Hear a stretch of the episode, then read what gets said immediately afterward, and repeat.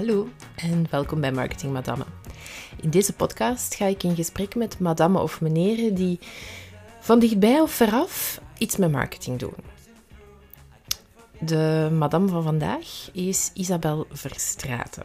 Ze noemt zichzelf merkstrateeg. Ze doet dus van redelijk dichtbij iets met de marketing.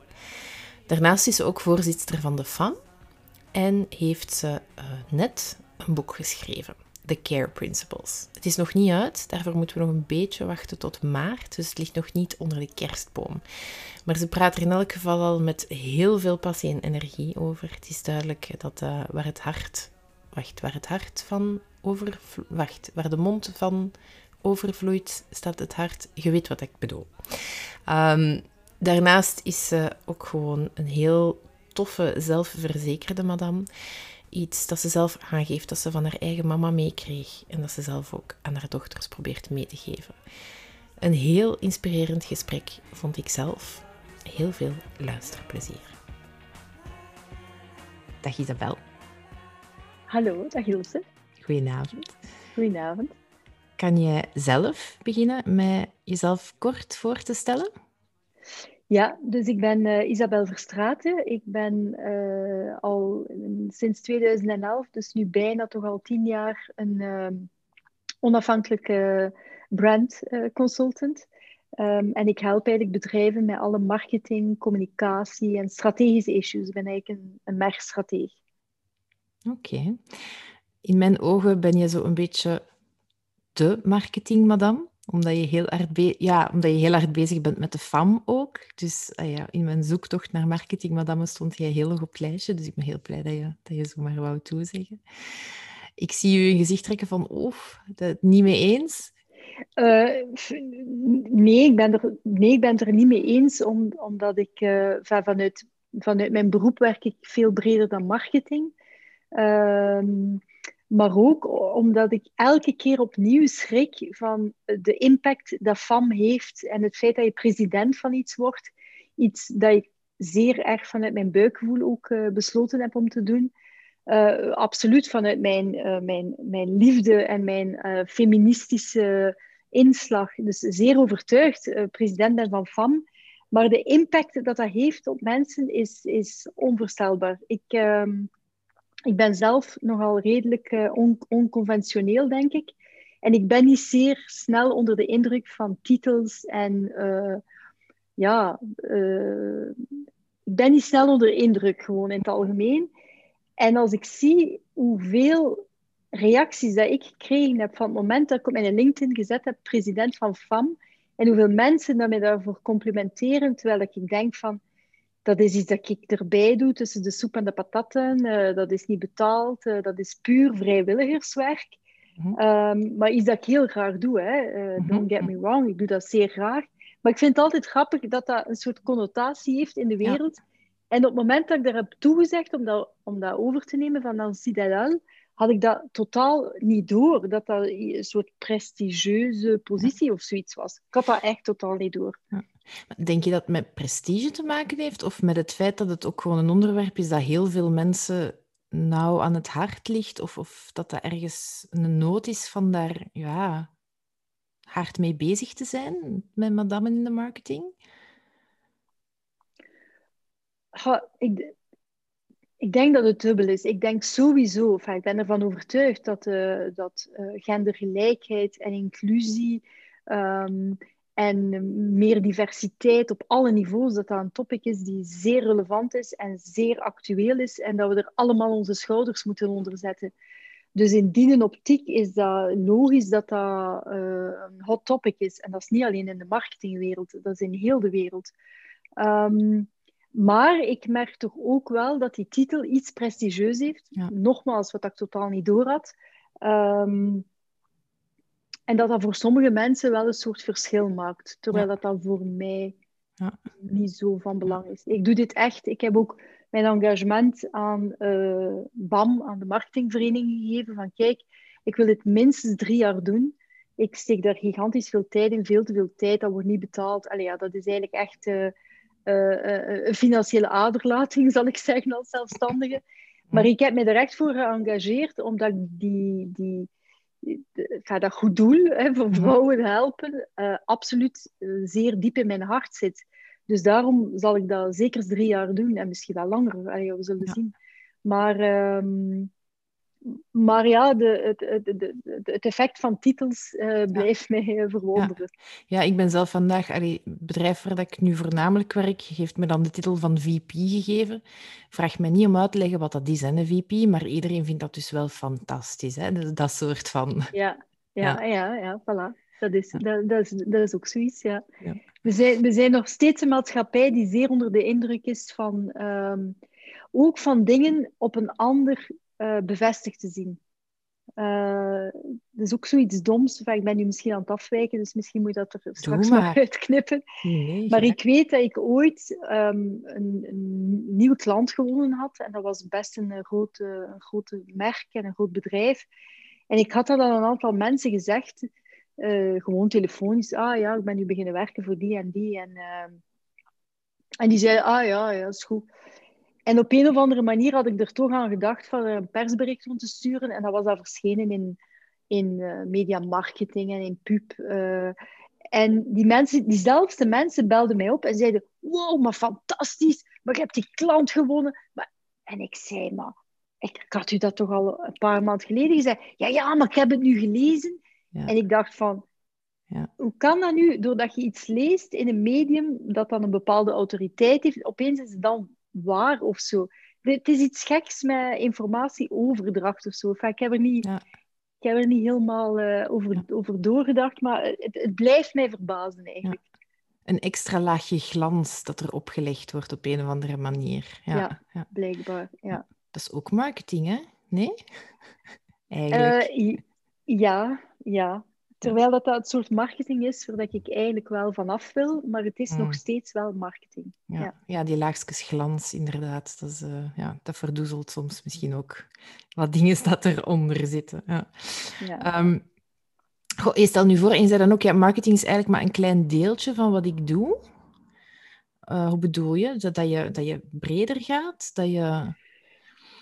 Mijn grote drijfveer in heel mijn carrière um, is eigenlijk bedrijven en merken helpen om zich beter te wapenen tegen, een, uh, tegen de toekomst eigenlijk. Om, om relevantie te blijven bieden in de toekomst. Mm Omdat je ziet dat heel veel bedrijven blijven uh, heel vaak uh, verankerd aan een verleden, blijven drijven op dingen waar ze in het verleden zeer goed in waren. En dat is mooi en een, een, een bepaalde heritage hebben is, is zeer goed. Maar we zijn steeds meer beland in een wereld waarbij eigenlijk je verleden er niet zoveel toe doet. Um, en een van de, ik, schrijf, dat ook letterlijk in mijn boek. Het doet er niet toe hoe goed dat je was in het verleden. Het is van belang hoe goed dat je zal zijn in de toekomst. En dat is eigenlijk altijd mijn drijfveer in, uh, in, in mijn carrière geweest. Um, en dus ik help bedrijven met ja, strategische issues. En dat zijn positioneringsissues. En dat zijn um, uh, hoe moeten ze zich gedragen, maar ook wat voor producten en innovatie mhm. en dat soort dingen. Dus mijn job is altijd wel breder geweest dan alleen marketing. Maar natuurlijk, mijn grote expertise um, en background is marketing. Hè? Dus dat ga ik niet ontkennen. Hè?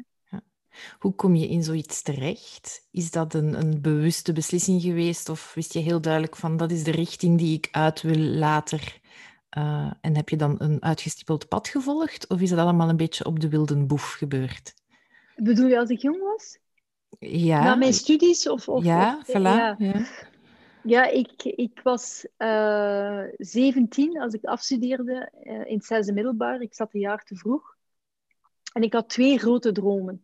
De eerste droom was in de mode uh, werken. Mijn ouders hadden een kledingzaak, dus ik zat eigenlijk al een beetje maar in de casual uh, fashion, in uh, denim en, en, en echt heel casual.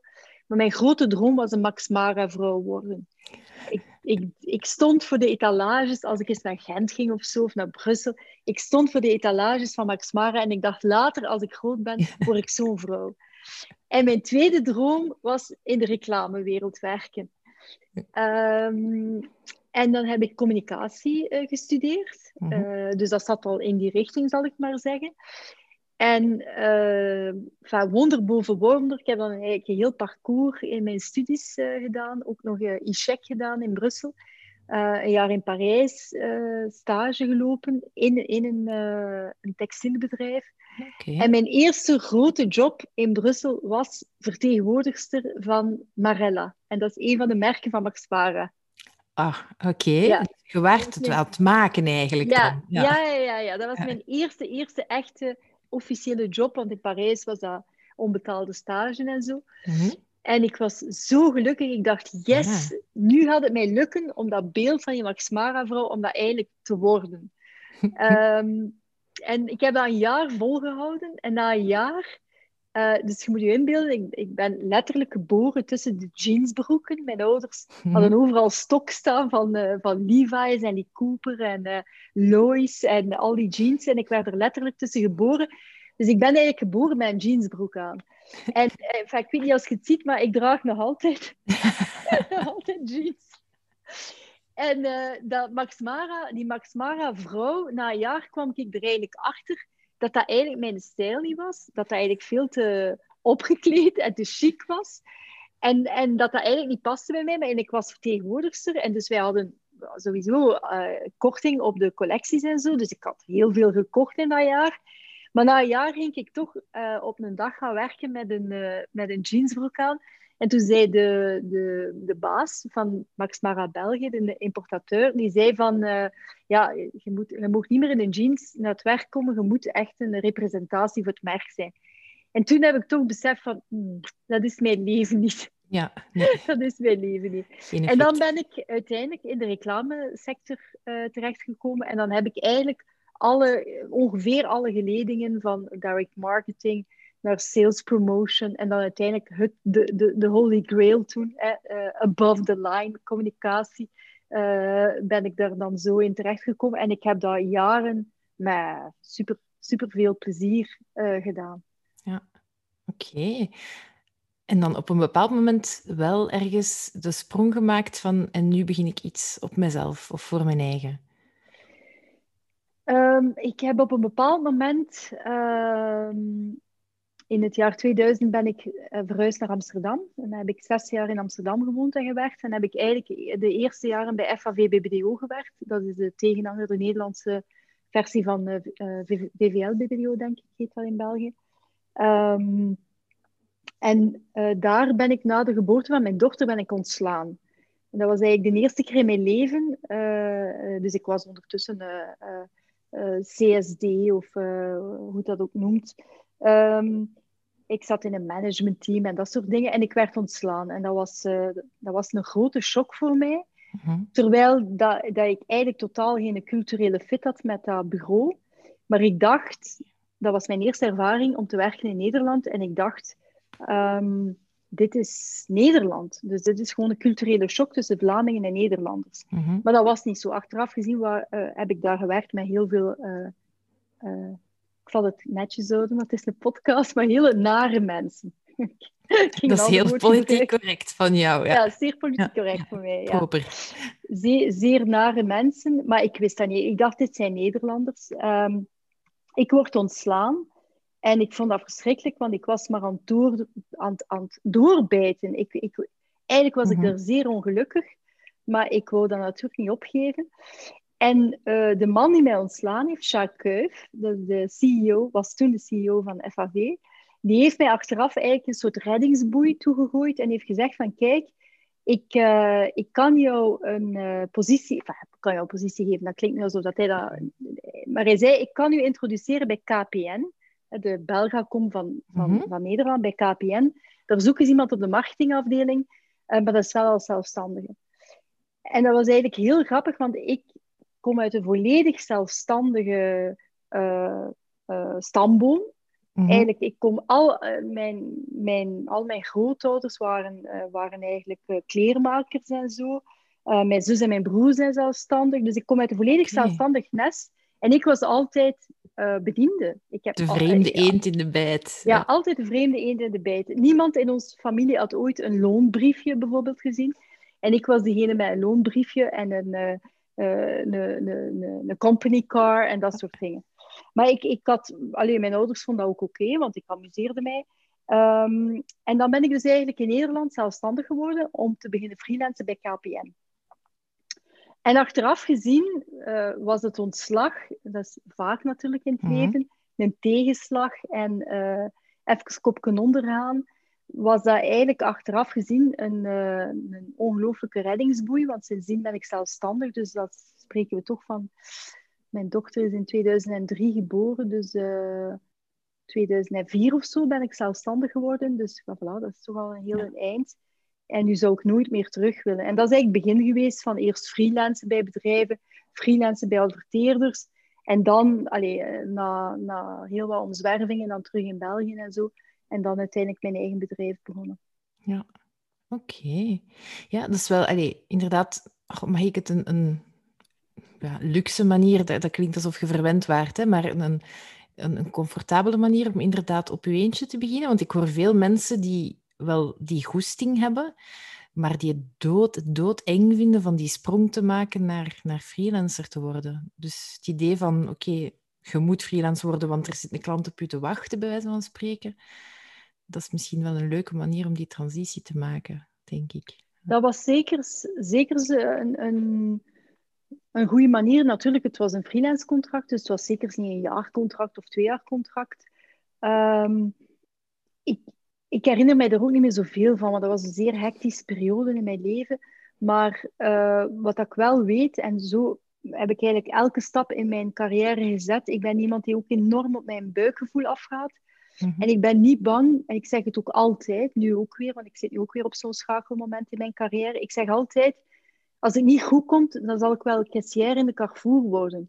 Ehm, dus ik ben niet bang om op mijn bek te gaan en ik ben niet bang om daar de consequenties van uh, te nemen. Ik ben, ben dan ook totaal bereid om zeer sober te leven en geen geld uit te geven, om toch maar mijn dromen of allee, mijn volgende stappen in mijn carrière te zetten. Dus ik denk dat um, zelfstandig zijn en een, een eigen bedrijf, uh, in welke vorm dan ook, uit de grond stampen, heeft enorm veel te maken met energie uh, elke dag opstaan en elke dag zeggen ik ga ervoor en ik blijf gaan en ik blijf gaan totdat het marcheert, tot, tot, totdat er iets mhm. lukt. Um, en, en als het niet lukt, ja, niet bij de pakken blijven zitten en maar doorgaan. Ik denk dat dat eigenlijk het, de, de grote secret sauce is van, uh, van zelfstandig zijn. Is nooit opgeven eigenlijk. Al, altijd weer opstaan. En dat is ook niet simpel, hè? dat is ook niet eenvoudig, hè? want je hebt geen baas die achter je zit, je hebt, geen, je hebt niemand die je vraagt om op te staan, je hebt niemand die je zegt vandaag moet je dat, dat, dat, dat en dat doen. Ehm, en dat is, ja, dat, is, dat is niet iedereen gegeven. Mhm. Ehm, maar ik denk wel dat dat de kracht is en misschien ook het verschil tussen mensen die durven springen en mensen die niet durven springen. Heb, heb je dat altijd gehad, die een durf? Of is dat ja. in de jaren? Oké, dat was altijd... Ja. ja. ik heb altijd die durf gehad. Ik heb ook altijd binnen FAM bijvoorbeeld... Uh, uh, heb ik wel ook eens in, in een, een, een, event... hadden we gesproken over het glazen plafond. Ik heb nooit een glazen plafond gevoeld, omdat ik altijd naar mijn bureaudirecteuren of naar gelijkwerkende directeur, als ik werknemer was, ging en zei van, en op tafel sloeg en zei, nu wil ik zoveel verdienen. Want ik heb dit gedaan en dat gedaan en dat gedaan ik heb, ik heb altijd, ja, ik, ik, ik, denk, ik denk dat enorme, dat durf en geloof in jezelf enorm samenhangt met je opvoeding. Mm En ik denk dat mijn mama uh, was een, een zeer uh, uh, vrijgevochten vrouw, die mm ook op haar manier haar carrière gemaakt heeft. En die, mhm. die mij en, en mijn broer en mijn zus ook, maar denk zeker de meisjes, opgevoed heeft in, in, een, in een manier van gaat ervoor. En waarom zou u, laat u niet tegenhouden door niks of niemand. En dat, dat, dat creëert een, uh, en ik probeer dat ook met mijn dochters te doen, um, dat creëert, denk ik, dat zal misschien ook niet altijd lukken, maar ik denk dat dat een, een soort van fond legt in uw zelfvertrouwen. En, en pas op, hè, ik ben heel vaak op mijn bek gegaan, maar dat je altijd weer opkrabbelt en dat je genoeg zelfvertrouwen hebt om er blijvend ervoor te gaan en niet bang te zijn um, of u niet minderwaardig te voelen versus andere collega's of andere, whatever, zelfstandigen of andere bedrijven. Of, allee, ja. ja. Dus ik denk dat, dat, veel, dat ik daar echt aan mijn mama te danken heb. Ja. Dat is dan een grote drijfveer. Of dat rolmodel zijn voor uw eigen dochters dan, is dan ook wel een belangrijk element, als ik het zo hoor. Um, ik denk dat wel, ja. Je, je bent er niet dagelijks mee bezig. Dat is niet dat continu top of mind zit. Maar ik heb wel uh, twee fantastische dochters. Hè. Eentje is van mij, 100% van mij. En een andere is, is, uh, is, uh, is, is niet van mij, maar ken ik al sinds dat ze zeer klein is. Hè. ik ben al samen met Rob bijna 14 jaar. Dus, en zij is 18. Dus ik ken, ken Rocky al sinds dat ze vier jaar is. Dus dan neem ik toch een heel hmm. groot gedeelte van, van, van haar opgroeien mee. Um, twee totaal verschillende meisjes, zeer verschillende karakters. Maar ik probeer dat wel um, hun mee te geven dat ze het zelf moeten realiseren in het leven. Want zelfs dit soort meisjes, die ondanks dat ze vrijgevochten mama hebben, dromen toch nog altijd van een prins op een, op een wit paard. Um, en durven ook wel eens zeggen, ja, ik ga gewoon rijk trouwen en dan kan ik mij alle Louis Vuitton sacoches van de wereld kopen en dat soort dingen. Dus dat ook niet gewoon om de mama een beetje uit haar kot te jagen? Uh, misschien wel, misschien wel, misschien wel. Maar ze houden mij ook een goede spiegel voor. Uh, en zeker mijn dochter is zeer maatschappijkritisch, is zeer merk- en marketingkritisch. Mm -hmm. uh, enfin, echte Gen Z. En um, dat, dat doet mij ook wel beseffen, ehm, en dat is ook wel een van de redenen waarom dat ik nu een shift in mijn carrière aan het maken ben, want ik, mhm. ben er, ik zit er middenin, dat ik denk van ja, er is meer in het leven dan geld verdienen, er is meer in het leven dan dingen verkopen, dan uh, dat laagje glitter en dat laagje glans op iets leggen.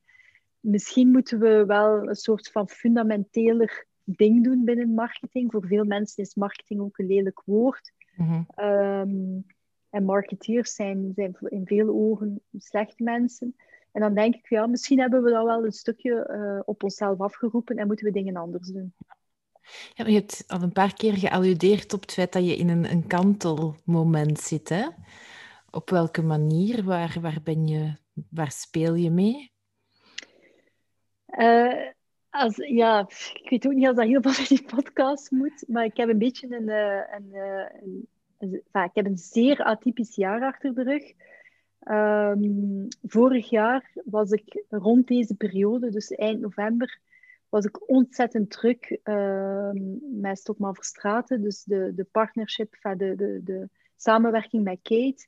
We waren ontzettend druk. We hadden net een zeer grote klant uh, binnengehaald. En mijn agenda uh, vulde zich tot, uh, tot eind april van 2020. En op dat moment dat er dus net een nieuwe klant binnenkwam, kreeg ik een telefoontje dat mijn mama uh, terminaal huidkanker had. En uh, dan ben ik eigenlijk, uh, na een slapeloze nacht, heb ik eigenlijk al huilend die klant gebeld en heb ik gezegd, ik kan dat budget er, kan dat niet doen. Ik moet voor mijn mhm. mama zorgen. Mijn mama heeft eigenlijk altijd zeer goed voor mij gezorgd, was een zeer belangrijke persoon in mijn leven. En ik ben dus eigenlijk vorig jaar, eind vorig jaar eigenlijk zo goed als gestopt met werken.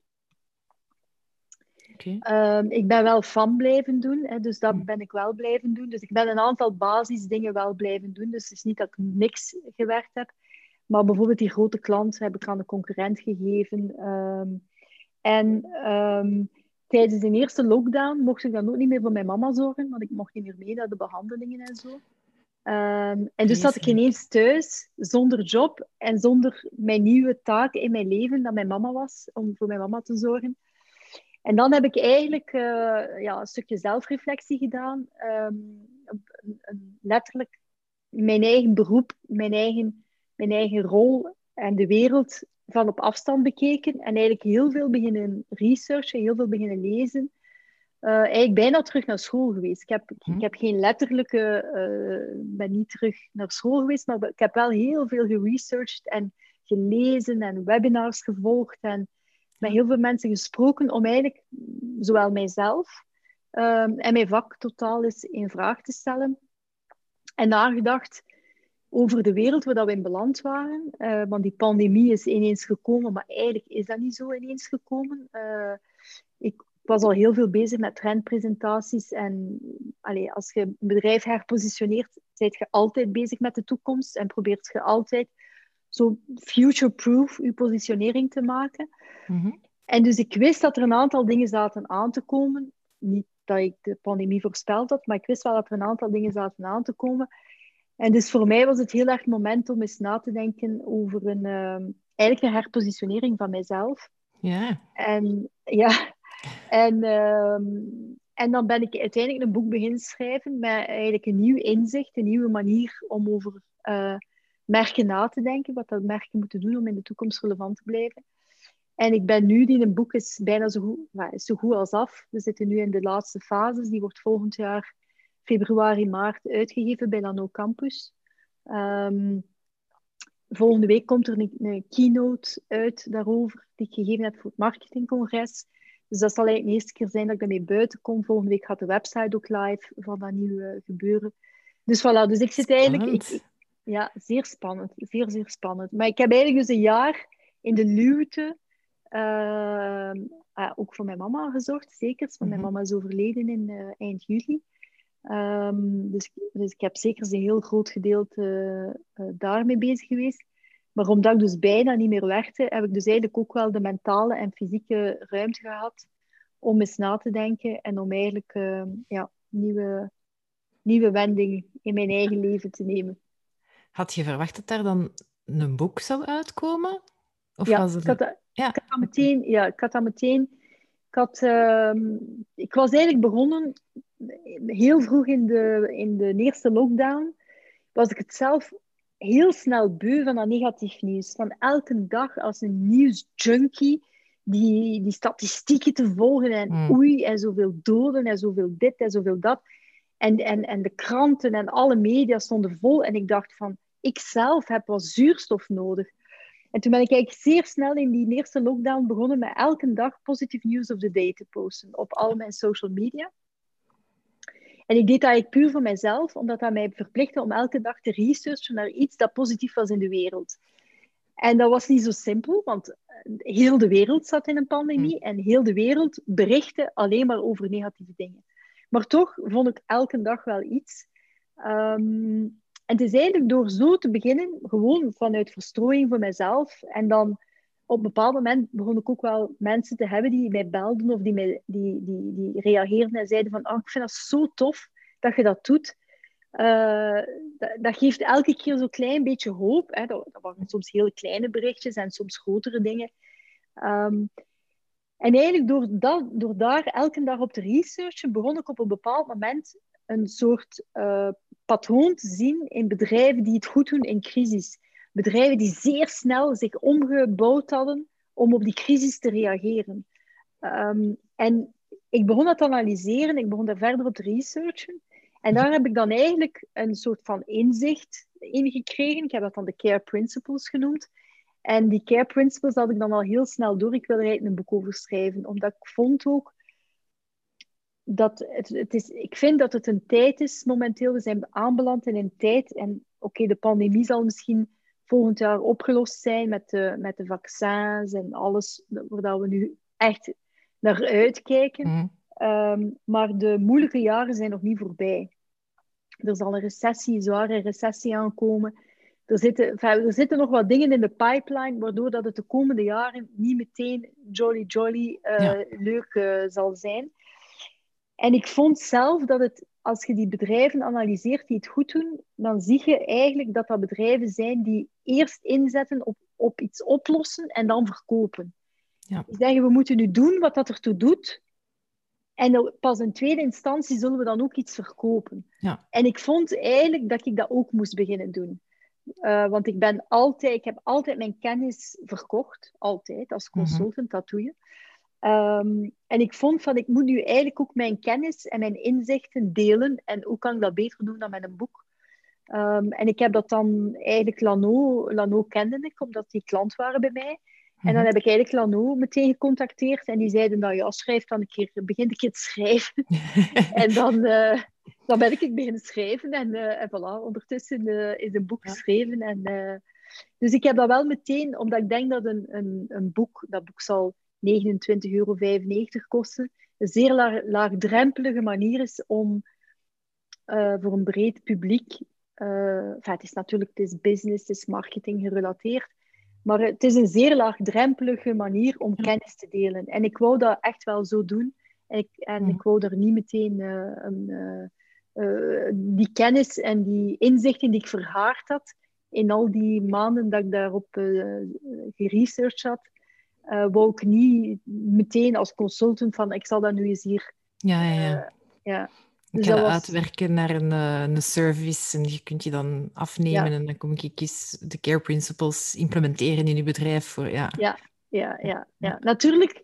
Dat kan, hè? Dat Interessant, hè, wel, hè? Dat, ja, dat is, dat, is, dat is nu het volgende waar ik nu mee bezig ben. Dus ik heb die care principles geschreven zonder businessconcept. En ja. um, Niels Janssens van Lano Campus zei, je voelt dat ook, dat is zeer puur geschreven. Mm -hmm. En dat is ook zo. Dus we zijn ondertussen, dus ik ben er in maart ongeveer aan begonnen. We zijn ondertussen november. Ik heb nog altijd geen businessconcept. Mm -hmm. Dus uh, nu dat een, boek zo goed als af is, nu dat de website zo goed als af is, uh, ben ik nu eigenlijk... Uh, ja. Dus ik heb mijn eerste keynote gegeven op Marketingcongres erover.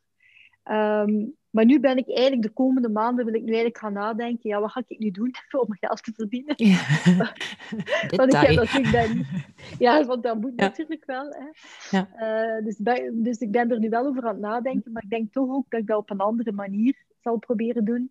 En dat ik wel zal blijven. Ik heb sowieso al beslist dat mijn website van de careprinciples.com zal blijven. Uh, uh, bedrijven en merken tonen die die care principles op een zeer toffe manier ja. al toepassen. Dus ik zal blijven heel veel inspiratie gratis geven. Maar vroeg ja. of laat moet ik ook wel op een of andere manier geld verdienen.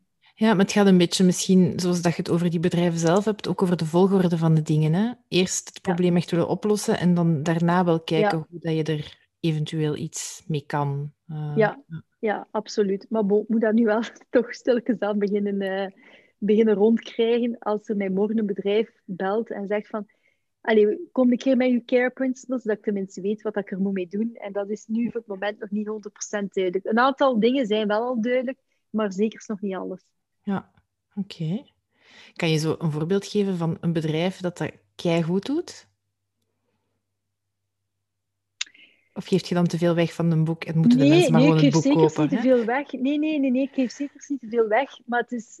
Um, dan zou ik een klein beetje meer uitleg moeten geven wat de care principles zijn. Dus ik weet niet als daar tijd voor is. Je moogt. Er is hier zoveel... Ja. Ik heb geen regels voor mijn podcast. Er is zoveel ah, tijd okay. als dat je wilt. Ja.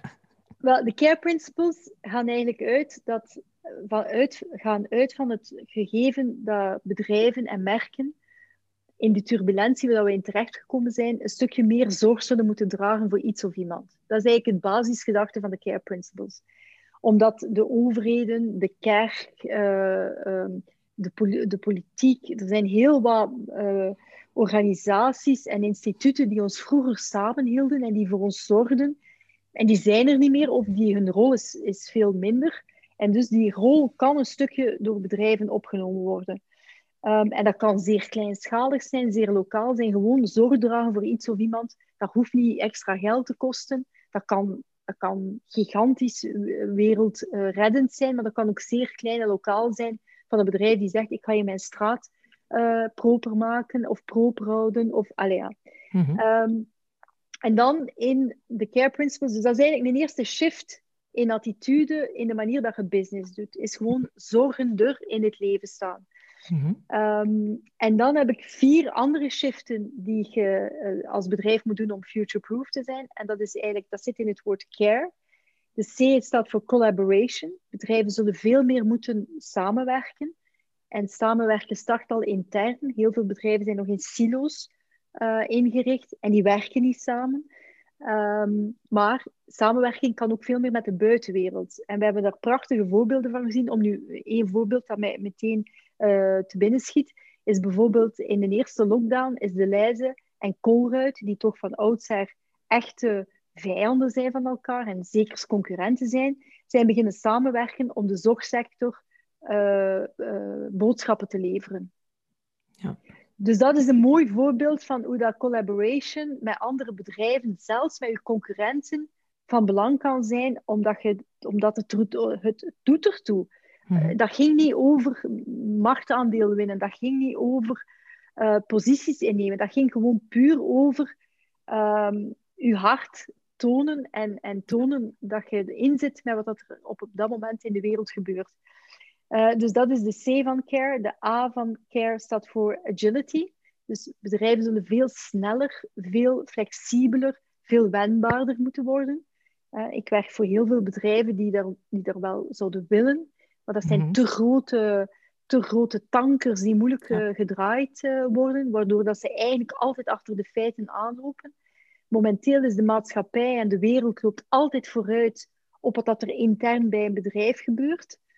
En bedrijven zullen zich er op een of andere manier moeten op aanpassen door speedbootjes te ontwikkelen of door op een andere manier daarmee om te gaan. Dus dat is agility. De R staat voor reliability. Dat is een zeer belangrijke. En we leven in een, in een tijdperk van fake news, van controversieel nieuws, van uh, heel veel oppositie, hè, heel veel negativiteit en mensen die heel erg vanuit hun eigen belang naar de wereld kijken en niet meer zich kunnen uh, inleven in een ander. We zijn zeer links versus rechts en we zijn zeer uh, blank versus zwart. En er is geen midden meer. Het, het, mm -hmm. De compromis en het elkaar begrijpen. En nu zeker met die pandemie verdwijnt dat helemaal, omdat we elkaar ook al niet meer zien. Um, dus dat is een belangrijke om uh, uh, betrouwbaar um, merk uh, te zijn. En de E staat voor empathie. Um, om, om empathischer om te gaan met, met anderen. En dat is ook iets dat heel veel bedrijven nog totaal niet, niet omarmen, omdat empathie als je daar een beetje op studeert, dan zie je ook dat dat eigenlijk een vrij recent, zelfs in de psychologie is dat een vrij recent gegeven, dat nog niet zo lang bestudeerd wordt.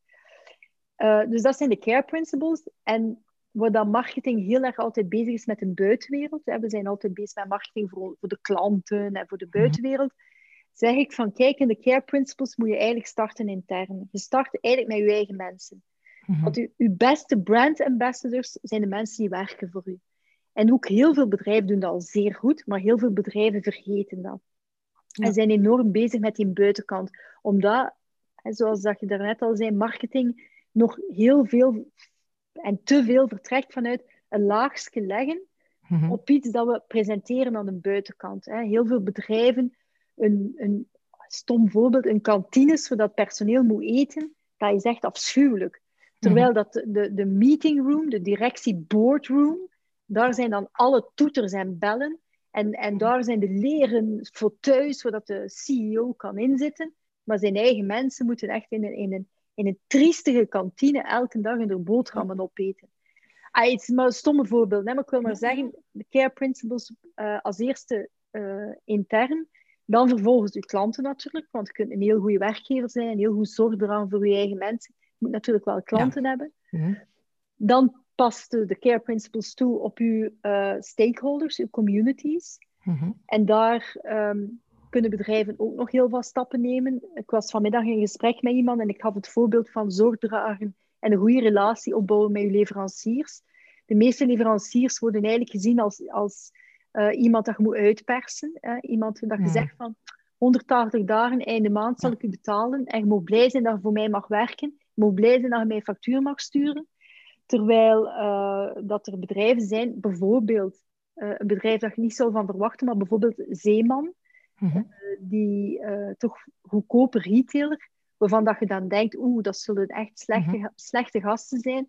Wel, zij hebben al jaren dezelfde leveranciers en zij betalen al hun leveranciers op twee weken. Oké, okay. ja.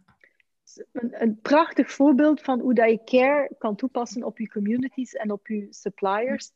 En dan de laatste stap van het model, van het care-model, is eigenlijk pas the world. Hè we zijn nu allemaal bezig met sustainability en met ecologie en de, het, het, het, het, het uh, redden van de planeet, wat dat ook absoluut van belang is. Maar dat is eigenlijk pas de vierde stap mm -hmm. um, binnen het care-model. Ja. Dus, uh, dus ja, dus heel veel voorbeelden van bedrijven die het eigenlijk... En heel de boek staat vol met voorbeelden van bedrijven over heel de wereld, klein, uh, start-up, KMO en multinational um, van bedrijven die dat eigenlijk al ongelooflijk goed toepassen. Ja, oké. Okay. super interessant. Ik merk ook dat het duidelijk bevlogen en van een... van een ik heb hier juist iets gemaakt en gecreëerd. En, uh... Ja, ik ben er heel, ben er heel blij mee. Uh, een, een, aantal van die dingen uh, zijn natuurlijk niet nieuw. Hè? het is zeker niet nieuw om te zeggen dat, dat bijvoorbeeld reliability en dat, hm. dat een betrouwbaar merkimago bouwen, dat dat van belang is. Dat is zeker niet nieuw. Um, maar de manier, denk ik, mhm. dat, het, dat dat model in elkaar zit, enfin, ik ben er happy mee. Het is, het is vrij toepasbaar. Het is, het is, eigenlijk, iedereen kan het gebruiken, iedereen kan het toepassen. Ja. Het, is, het, is, het, is, het is, ik zeg allee, in het Engels, it's not rocket science. En dat is het ook echt niet. Ja, mooi. Nee, klinkt... Ja. Wanneer komt een boek uit? De boek komt uit uh, eind februari, begin maart. Oké. Dus het is nog even wachten. Maar de website gaat volgende week live. Ja. Dus ik weet niet wanneer dat de podcast uitkomt, maar... Over zo'n twee weken, maar ik zal hem linken, hè. Ja, voilà, voilà. Dus, uh, dus uh, de, de, de website is over een week live. En dan ga je al heel veel inspiratie hebben uh, van bedrijven die het goed doen op empathie, bedrijven die het goed doen op reliability en, en dat allemaal. En um, ik ben ook aan het werken, dat zal nu nog binnen twee weken niet klaar zijn, maar ik ben ook aan het werken op een care scan. En dat mhm. is dan een, uh, een, methodologie die ik ontwikkeld heb om bedrijven te scannen hoe scoorde ja. je op die care principles en waar moet je je accent op gaan leggen. Want bijvoorbeeld, je kunt bedrijven hebben die zeer goed scoort op interne collaboratie, maar, maar mhm. slecht op externe collaboratie, bijvoorbeeld, om maar een voorbeeld te geven. Ja. Um, en zo gaan ze dan kunnen zien waar kunnen ze beter op scoren en waar niet. Maar die zal nog niet af zijn, omdat ik dat volledig digitaal wil. Dus daar ben ik nu nog aan praten met partners qua software en zo. Um, dus dat zal... Eigenlijk is de bedoeling om tegen dat een boek uitkomt, om eigenlijk het volledige programma van uh, tools uh, klaar te hebben. Dus dat zal eind februari zijn. Oké. Ja, want ik ging vragen, je hebt dan net een, een, een boek geschreven. Uh, je hebt misschien voor iets minder klanten, maar je, je, werkt eigenlijk ook als consultant. Je bent voorzitter van de FAM. Je zei daar juist ook, ja, als, als, als freelancer is energie heel belangrijk. Is dat managen van energie soms, soms een uitdaging met zo verschillende potjes op het vuur? Of dat lukt wel om daar gewoon keuzes in te maken? Je zei mij ook bijvoorbeeld, een podcast, dat interesseert me eigenlijk ook, maar ik kies er heel bewust voor om daar niet mee te beginnen op dit moment. Ja, ik ben zeer enthousiast in, in, in heel veel dingen. En bijvoorbeeld een podcast is inderdaad iets dat ik ook al sinds maart mee aan het denken ben. Om dan, als ik begon te schrijven, van oh, dat zou leuk zijn, van een podcast. En dan al die bedrijven die ik daarin vernoem in mijn boek, maar die ik ook op mijn website. Die ik nu ook al in dat, alle dagen Positive News of the Day Alleen nu is het niet meer dagelijks, maar nu doe ik nog een, een, post op drie in de week met Positive News of the Day. Om die mensen dat dan te interviewen in de podcast. Dus allee, eh, absoluut. Mm eh, maar dat is nu inderdaad iets waarvan ik gezegd heb, ja, die, die tijd heb ik nu niet. Uh, ik moet mij focussen op, uh, op, op waar ik nu mee bezig ben. Dat is die, die boek, die, dat webplatform en tools en mm praktische toepasbaarheid van de care principles. Misschien dat dat in de toekomst nog komt, we zullen zien. Ehm, maar energie en de diversiteit van dingen, ik vind het zeer interessant. Ik werk als consultant ook voor alle uh, sectoren. Ik heb klanten, dat zijn banken, ik heb klanten in de mode, ik heb heel veel klanten in de voedingsindustrie, um, um, ik heb klanten in toerisme. En ik vind dat eigenlijk super leuk, omdat elke dag is anders, elke opdracht is mhm. anders. En wat dat je ziet, is dat heel veel mensen zitten in hun bedrijfstak, hè, als dat nu toerisme is of fashion is of food is. En heel vaak doen ze ook hun carrière daarin. En dus ze hebben heel weinig input van andere sectoren. En ik vind het mhm. net zeer boeiend en zeer leerrijk om uh, cross uh, industrieën mhm. bepaalde, bepaalde inzichten of bepaalde tools van, van één industrie te gaan toepassen in een andere industrie. Ja. En dat gebeurt nog zeer weinig, maar ik, ik vind dat zeer leuk. Dus voor mij is dat heel boeiend als ik met een klant van toerisme aan tafel zit. Dan ben ik aan het denken, wat kunnen we leren uit de mode? Wat kunnen we leren, of bijvoorbeeld nu in de pandemie, ehm, wat kunnen al die sectoren leren van elkaar? En zo als consultant eigenlijk die dingen aan elkaar te gaan verbinden. Ja. Mijn, mijn karakter. Ik hou heel erg van afwisseling. Uh, ik ben niet goed in de lange termijn op dingen. Ik, ik, ik ben heel snel... Dat denk ik ook dat dat de reden is dat ik zoveel carrièrewendingen uh, doe. Weliswaar altijd binnen een vakgebied. Um, maar ik ben zeer snel dingen uh, beu, uh, gezien. En ik, ik mis heel snel een uitdaging. Ja. Betekent dat dan ook dat je... Maar tot hiertoe is het inderdaad duidelijk dat je dan, en zeker ook de afgelopen jaren, gewoon ja, inderdaad heel flexibel geweest bent, hè, of gut feeling gevolgd hebt. Betekent dat dat je nu dan ook niet per se een, een vijfjarenplan lijkt me al heel lang voor jou. We zullen het misschien twee plan noemen. Heb je dan doelen waar je naartoe werkt? Of heb je zoiets van, ik zie wel wat er op mij afkomt en ik heb vertrouwen dat ik het juiste pad kies als het zich aandient? Um, ik, ik heb ook in het verleden wel, maar zeker nu. Dus ik heb in 2011 uh, eh, heel doelbewust gekozen om alleen te starten. Om, en ook om geen klassiek bureau te beginnen en er mensen onder te zetten en de klassieke manier van groei, uh, die nog steeds voor heel veel mensen in de maatschappij de succesvolle manier is om iets te doen. Um, het voordeel van dat, ik doe dat omdat ik mij 100% wil bezighouden met mijn klanten en ik wil niet bezig zijn met mensen managen. Dus ik mhm. wil niet bezig zijn met interne dingen en, en, en, en gedoe met uh, human resources en ik weet niet wat allemaal. Dat interesseert mij niet. Ik krijg daar geen energie van. Ik krijg energie van met mijn klanten bezig te zijn.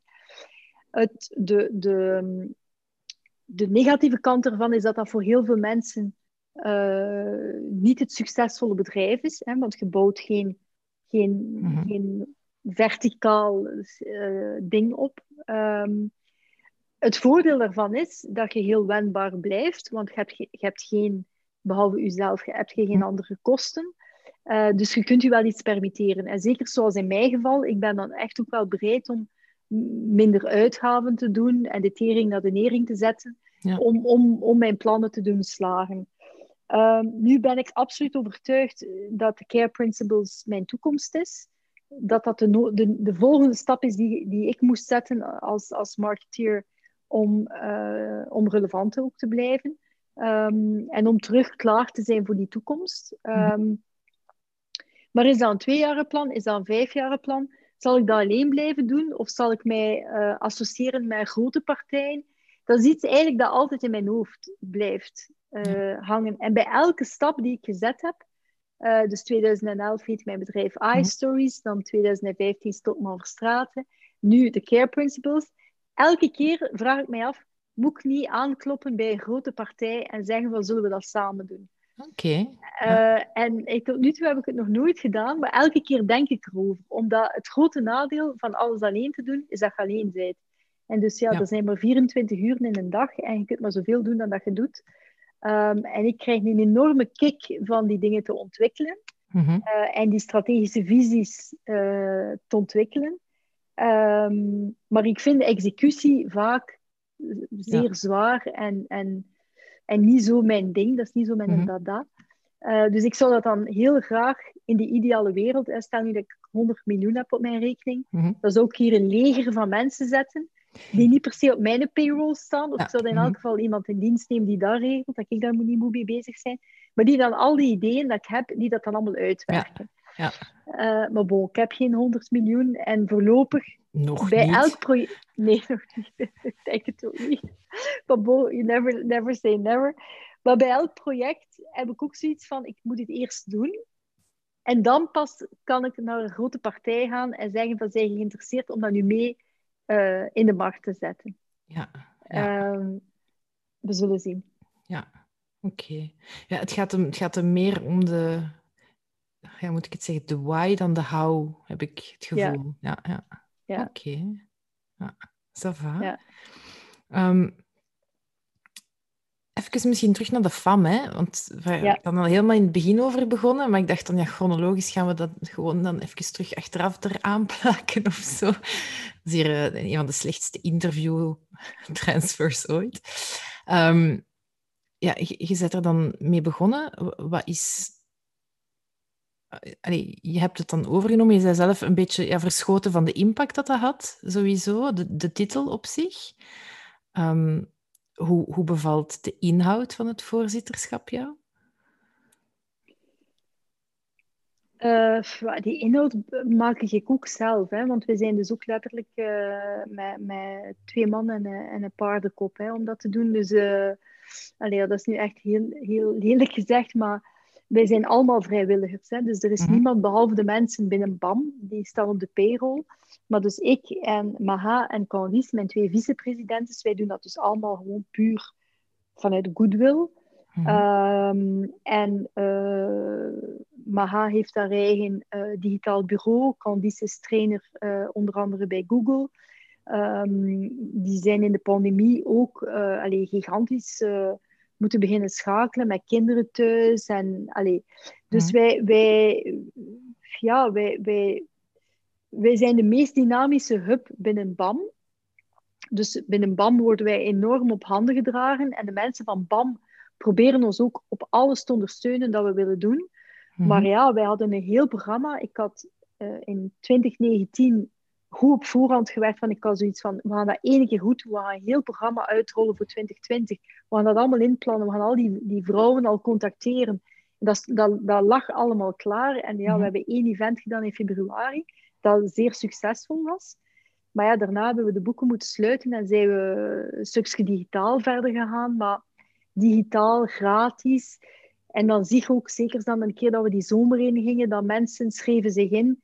En dan was dan toch een mooie avond. Dat was een, een uh, apero digitaal, dat was een avondconcept om acht uur s'avonds. Dat was een uurtje, zo een half uurtje, samen aperitieven. En ondertussen interviewde ik een uh, interessante vrouw. Het waren superboeiende vrouwen. Maar je ziet dan door die, die, die noodzaak dat er niet is, omdat je je hebt ingeschreven op een event en dat je dan naartoe gaat, dat er dan toch heel veel vrouwen afhaakten last minute van oh, het is mooi weer, ik ga dan toch maar in de tuin zitten of ik ga gaan wandelen of ik ga mijn kinderen in bed steken. Allee, er kwam mm. altijd wel zoiets tussen, dus we zijn, um, we zijn nu aan het nadenken, wat is, wat is de toekomst en uh, hoe gaan we hybride uh, events organiseren. Dus ben ik blij met 2020? Nee, niet helemaal, want ik had een, een volledig plan uh, zeer goed voorbereid, uh, zodat ik er minder werking aan heb dit jaar. En dat is, ja, dat is in, in, uh, in, in duigen gevallen. We gingen een groot event hebben voor Internationale Vrouwendag in maart. Ja. We hebben dat gecanceld en ja, op die moment was dat nog, hè, dat was begin, dat was, ja. 21 maart, dus dat was van oeh, oeh, oeh wat maar zullen we doen? Ja, natuurlijk hebben we dat moeten cancelen. En achteraf gezien was dat de juiste beslissing. Maar op die moment was dat nog van, moeten we dat laten doorgaan of niet? Dus, uh, dus, uh, dus in die optiek is dat een teleurstellend uh, mm. jaar. Maar aan de andere kant um, is het een zeer mooie community met ongelooflijke straffe madammen die erin zitten. Ik heb al zoveel fantastische straffe marketeers leren kennen daardoor, die allemaal ehm, ook die liefde hebben om uh, vrouwen te helpen. En dat is een van mijn grote stokpaardjes binnen FAM. Is dat ik zeg van kijk, je hebt de Old Boys Network. En dat is echt zo. En de Young Boys Network. Mannen die studeren samen. En dan heel natuurlijk. En, en ik, ik heb... Allez, ik, ik snap dat ook. Hè. Die mannen die denken daar niet verder bij na. Die zien een jobopportuniteit. Of ze hebben iemand in het bedrijf nodig. Of ze hebben een consultant nodig. En die bellen onmiddellijk naar hun dermaten. Dat is ook gewoon zo. Um, en dus wij als vrouwen gaan dat niet verbreken. En het is zeer moeilijk om daartussen te geraken, omdat die, die, die boyshood, dat is, mm. ja, dat, dat is ook het, het sterke aan, aan mannennetwerken.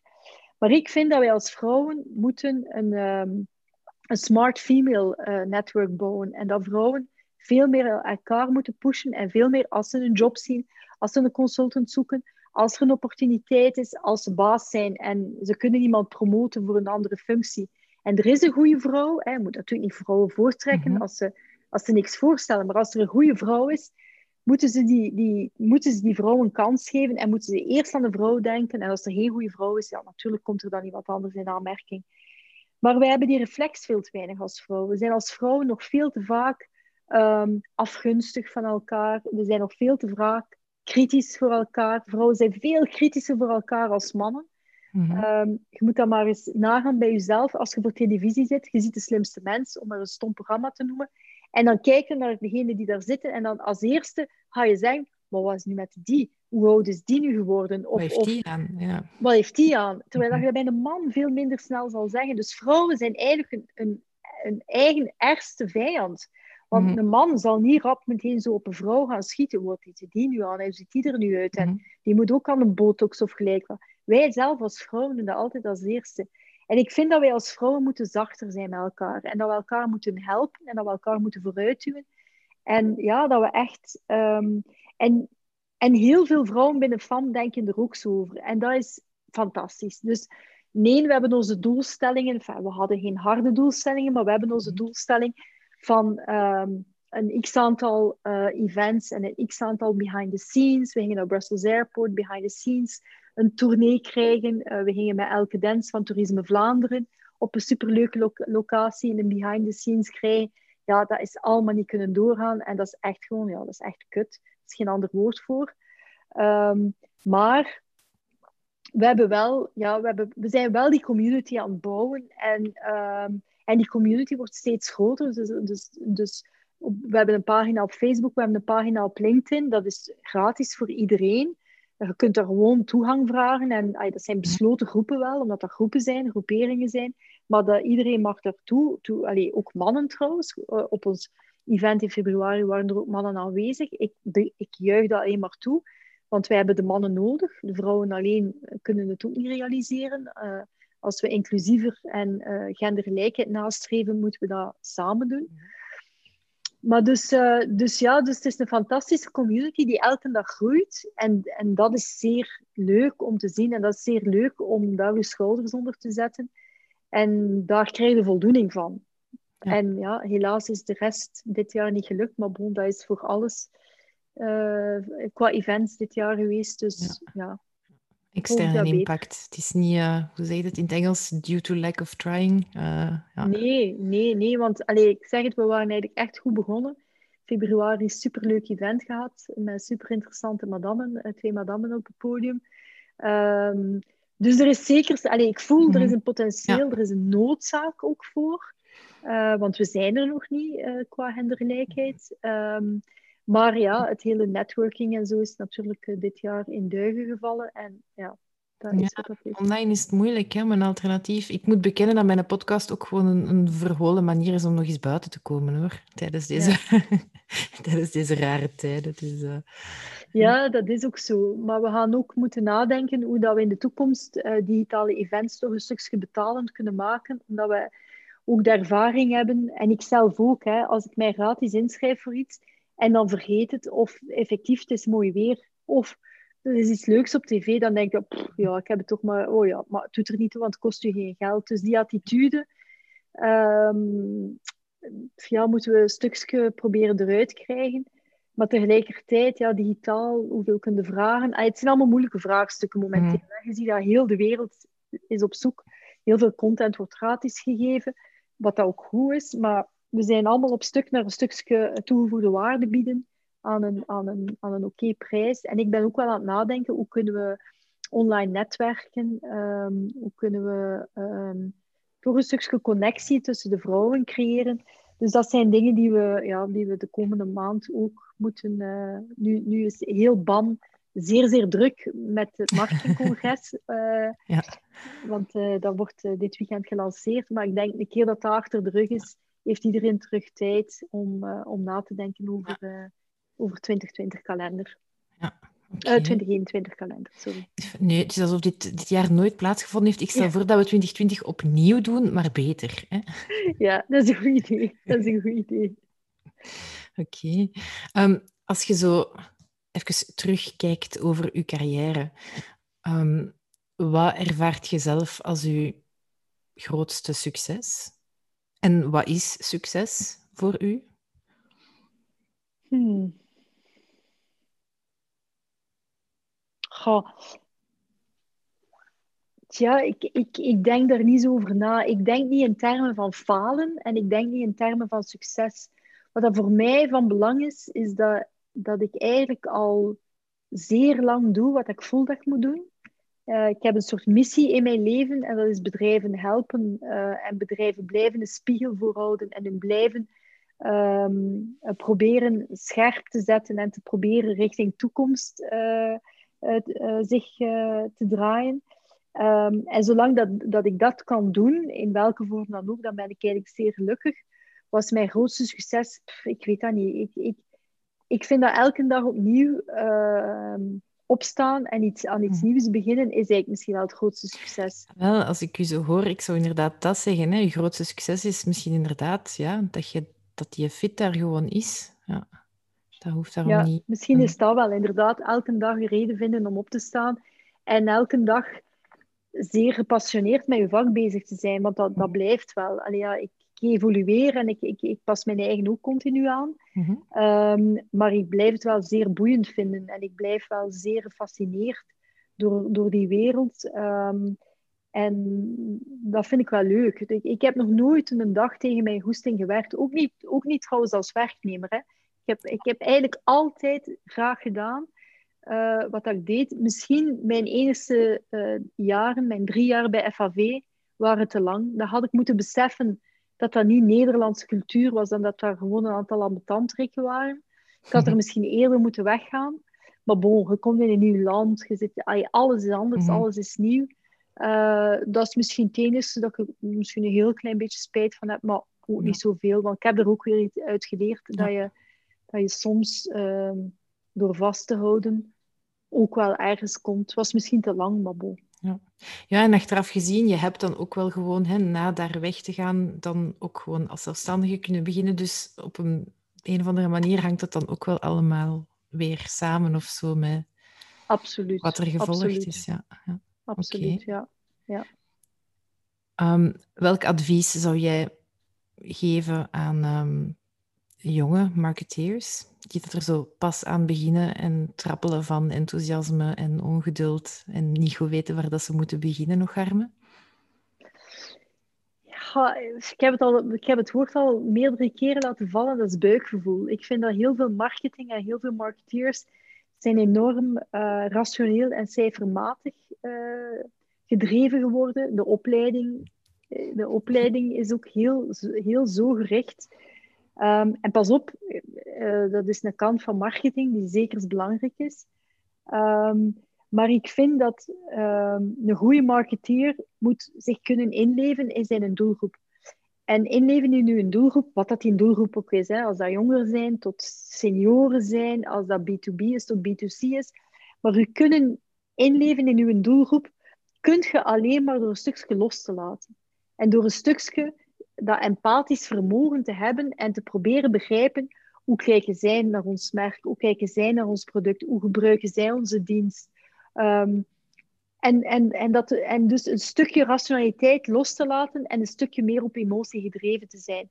En dus als ik jonge marketeers een, een, een advies kan geven, is probeer dat, dat iets wat ze in studies er proberen uithalen. Want geen enkele studie um, gaat dat emotionele, dat uh, intuïtie uh, stimuleren. Hè. Ze wordt heel erg op ratio uh, gedreven.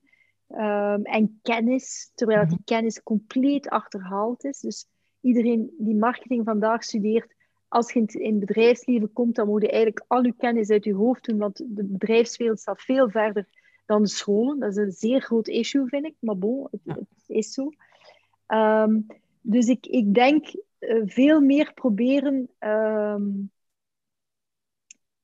u in te leven en emotioneel een aantal dingen die misschien voor jou op dat, op dat moment misschien bedreigend overkomen of mm -hmm. misschien een stukje die ratio loslaten, dat denk ik dat dat een goede marketeer alleen maar kan helpen. En in elk geval de mensen die ik vind die goede marketeers zijn, die in mijn ogen zeer goede marketeers zijn, zijn mensen die die balans tussen die twee zeer goed uh, onder controle hebben. Dus dat vind ik wel een belangrijk iets, omdat dat net door de maatschappij en door de studies uh, en ook door bedrijven niet gestimuleerd wordt. Denk je dat dat iets is dat je kan leren, of dat je gewoon hebt of niet hebt? Ik denk dat je dat zeker kan leren en kan cultiveren, want iedereen heeft een buikgevoel en iedereen heeft een intuïtie. Alleen zijn zeer veel mensen geleerd om er niet naar te luisteren. Ja. Um, iedereen weet wat dat buikgevoel is en iedereen heeft dat wel als eens in zijn leven op welke situatie, en dat kan anders zijn, dat kan niks met, met, het, uh, met uh, het beroep te maken hebben, maar iedereen weet wanneer dat je of allee, je kunt zeggen dat klein stemmetje die, hè, dat klein Mhm. stemmetje die in je achterhoofd zit of op je schouder zit en je op je schouder k- klopt en zegt van, "Hm, ik denk toch niet dat je dat moet doen. Eh, iedereen kent dat en iedereen weet ook hoe dat het is om dat te negeren. Eh, dus ik ben ervan overtuigd dat iedereen dat heeft, maar in heel veel gevallen zit dat zeer diep eh, bedolven onder, eh, onder veel ratio. Oké. Zou het advies dat je aan je 16-jarige zelf zou geven gelijkaardig zijn? Ehm,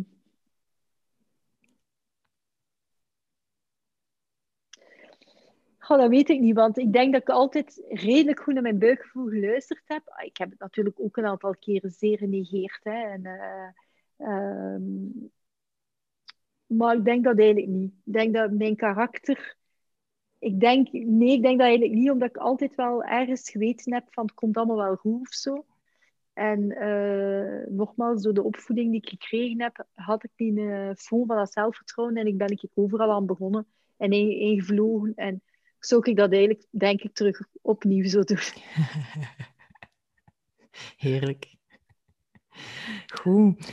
Om af te sluiten heb ik uh, een paar, ik noem dat quickfire questions. Ja. Je mocht er altijd eentje van kiezen, is idee. Ja. Zeg maar. De eerste, denk ik, gaat gemakkelijk zijn. Branding of ROI? Oh, dat vind ik toch niet zo'n makkelijke. Ja, toen, uh, ik het zei, toen ik hem uitsprak, de vraag dacht ik ook van, ja, nee, zo evident is het ook weer niet. Nee, nee, je hebt eigenlijk de twee nodig. Je hebt de twee nodig. Uh, dus ik kan er niet voor kiezen. Uh, je hebt de twee nodig. Nee, dus ik ja. kan geen keuze maken. Geen probleem. Thuiswerken of kantoor?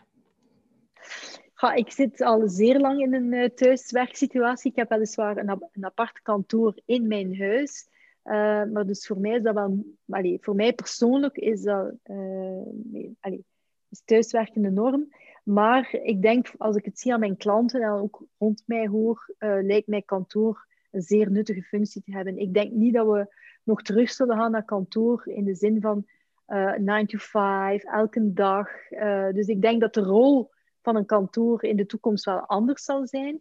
Maar sociaal contact en is aan een koffiemachine een informeel uh, gesprek doen, is, is absoluut noodzakelijk voor een aantal dingen uh, die je digitaal niet kunt invullen. Ja. Denken of doen? Doen, hè. Doen. absoluut. We zitten, zeker nu zitten we in een tijdperk dat doen zo het verschil gaat maken. En en snel doen zelfs. Snel. Ja. Snelheid zal zeer belangrijk zijn in de toekomst. Ochtend of avond?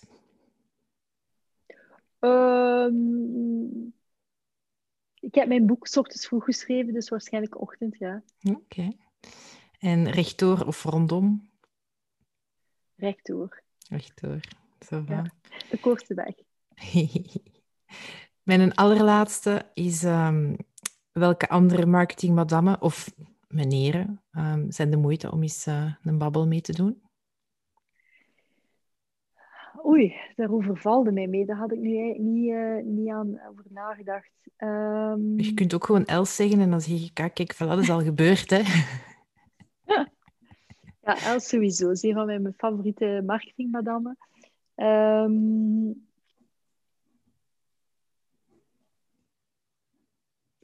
Heb je, uh, gaat dus niet echt een marketingmadam, maar heb je Anne-Clotilde Picot van uh, IKEA al gesproken? Nee, nog niet. Zij, zij zit eigenlijk meer in uh, Franstalig wel. Mm -hmm. Ja, ik weet niet als dit is eigenlijk in het Nederlands. Ik heb al een Engelse gedaan. Ik heb geen probleem met eens een keer in het Frans te doen. Anne-Clotilde zit eigenlijk meer op de innovatieafdeling. Ik weet zelfs niet mm -hmm. precies wat, dat, wat daar... wat daar officiële titel is. Uh, ik heb dit duidelijk niet voorbereid. Maar het is wel een zeer aangename en een zeer uh, slimme uh, dame. Die vind ik ook... ik heb er nooit mee gewerkt, voor alle duidelijkheid. Dus mm -hmm. ik baseer me nu alleen op hoe ik haar heb leren kennen binnen FAM. Maar ik heb wel de indruk dat dat iemand is die ook zo zeer goed die balans heeft tussen ratio en, en emo. Dus Anne-Clotilde vind ik wel een hele goeie. Goh, er zijn er zoveel, dus dat is nu heel erg dat ik dat niet voorbereid heb. Um... Ja, ik wil u, ik wil u niet, uh, niet voor zo'n moeilijke keuze zetten to uh, kill your darlings. Of, uh... Ja, inderdaad. uh, want allee, waarschijnlijk als we nu ophangen, kom ik er op 99 Met een lijstje andere. van, ah wel, voilà. Ja. maar je mocht mij gewoon achteraf je lijstje doorsturen. Dat is Ja, ook goed. ik zal, ja. ik zal erover nadenken. Ik zal u mijn lijstje doorsturen, want er zijn er heel veel. Hè? En eh, alle, alle categorieën.